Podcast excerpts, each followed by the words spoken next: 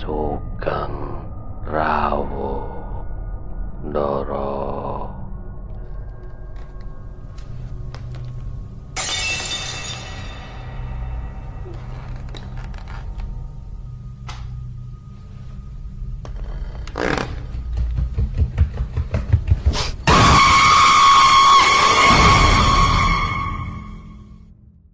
Satu Suro Activity Assalamualaikum warahmatullahi wabarakatuh. Selamat malam. Rahayu, rahayu, rahayu, rahayu. Para pendengar satu suro activity. Saya, Andi Putro. Para pendengar, pada malam hari ini ada sebuah kisah mistis dari Philip bahwa meskipun zaman sudah modern, sepertinya masih banyak juga praktek-praktek jegal menjegal usaha seseorang dengan menggunakan cara-cara mistis. Selamat mendengarkan.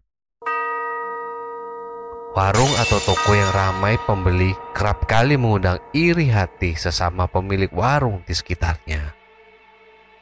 Sekarang zaman serba susah, di mana banyak orang seperti berlomba-lomba untuk mengais rezeki bahkan bersaing ketat untuk itu. Tak terkecuali warung makan, karena makan adalah untuk hidup. Dari bersaing secara sehat dengan cara bereksperimen menu baru yang kekinian yang dijual dengan harga murah, enak dan porsi yang banyak. Sampai bersaing dengan cara di luar nalar manusia. Ironis, tapi memang banyak saya temui praktek-praktek seperti ini di zaman semodern ini. Warung yang terlihat selalu tutup, ini pengalaman temanku Vera. Punya warung bakso langganan di daerah Gunung Patih, Semarang. Menurut dia, itu adalah warung bakso paling enak. Saking fanatiknya, temanku itu dia tidak akan mau jika dibelikan atau diajak makan di warung bakso yang lain. Asem, warungnya malah tutup, lip. Gerutunya kesal.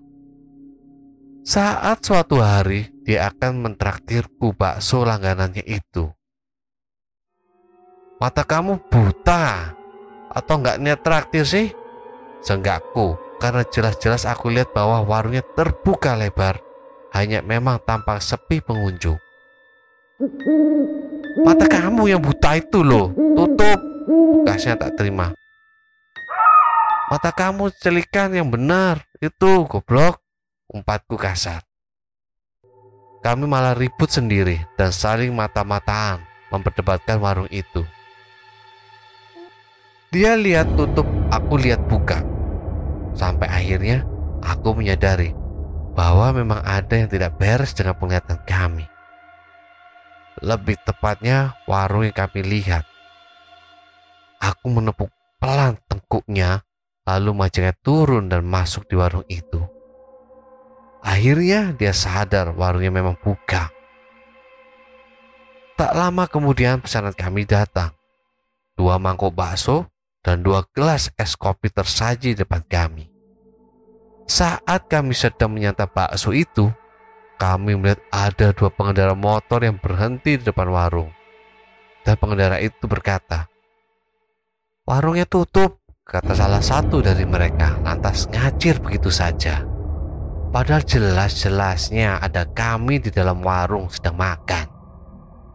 Yang kedua pengalamanku yaitu waktu ayam geprek lagi viral-viralnya aku dan teman-teman kerjaku bermaksud mengadakan acara buka bersama di salah satu kedai ayam geprek milik artis Ruben Onsu di Semarang. Salah satu temanku bermaksud pergi ke toilet untuk buang air kecil. Tak lama kemudian, dia balik lagi ke rombongan kami sambil bergidik ngeri. Katanya dia melihat banyak lipan atau kelabang di toilet itu. Padahal kedai pinsu itu letaknya jauh dari persawahan ataupun rawa. Semua lantai pun keramik. Jadi agak mustahil dari mana datangnya binatang-binatang lipan itu. Pengalamanku yang ketiga. Kejadian ini aku alami saat tahun baru Imlek beberapa bulan yang lalu. Waktu itu aku bersama keluarga besarku sedang kumpul dalam rangka makan-makan di sebuah rumah makan Chinese food di Surabaya. Tiba-tiba anak dari ciciku yang berumur 7 dan 6 tahun kompak rewel mereka nangis kejer, geger minta pulang. Yang tujuh tahun muntah sejadi-jadinya. Dan yang enam tahun kejang-kejang seperti step. Rasanya mustahil anak umur enam tahun kena step. Apalagi dia anak yang sangat sehat dan tidak pernah punya riwayat step sebelumnya. Jadi pengunjung ini dibuat tidak betah. Pengalamanku yang keempat. Bu, ini ayam gorengnya kok ada belatunya? Sentak seorang pengunjung yang saat jajan di warung Tegal.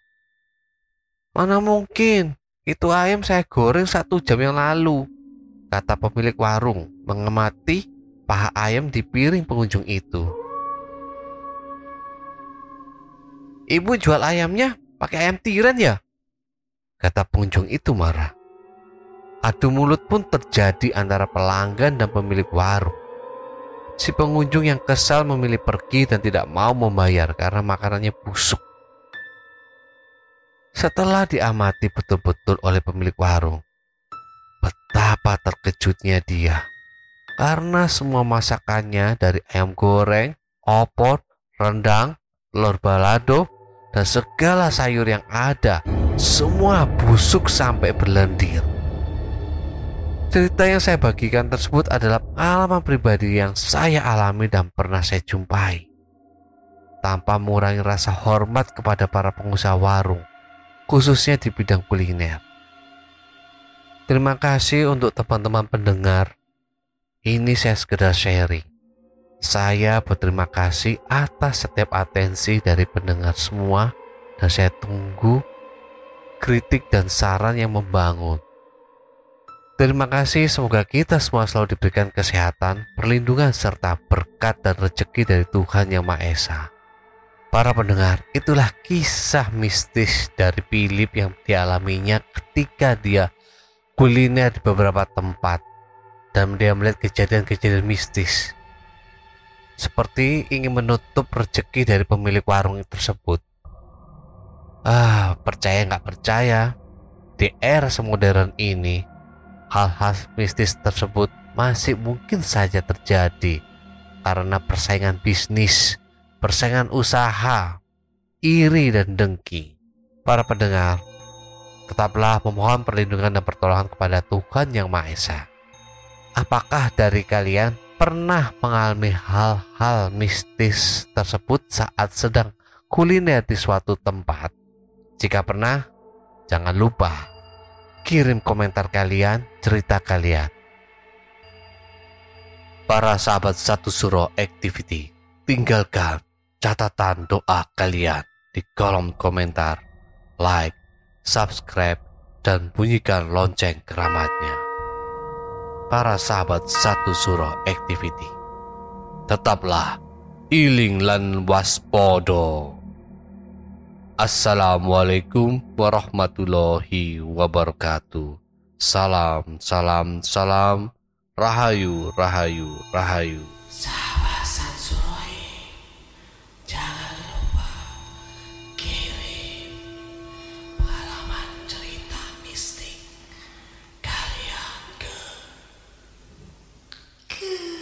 e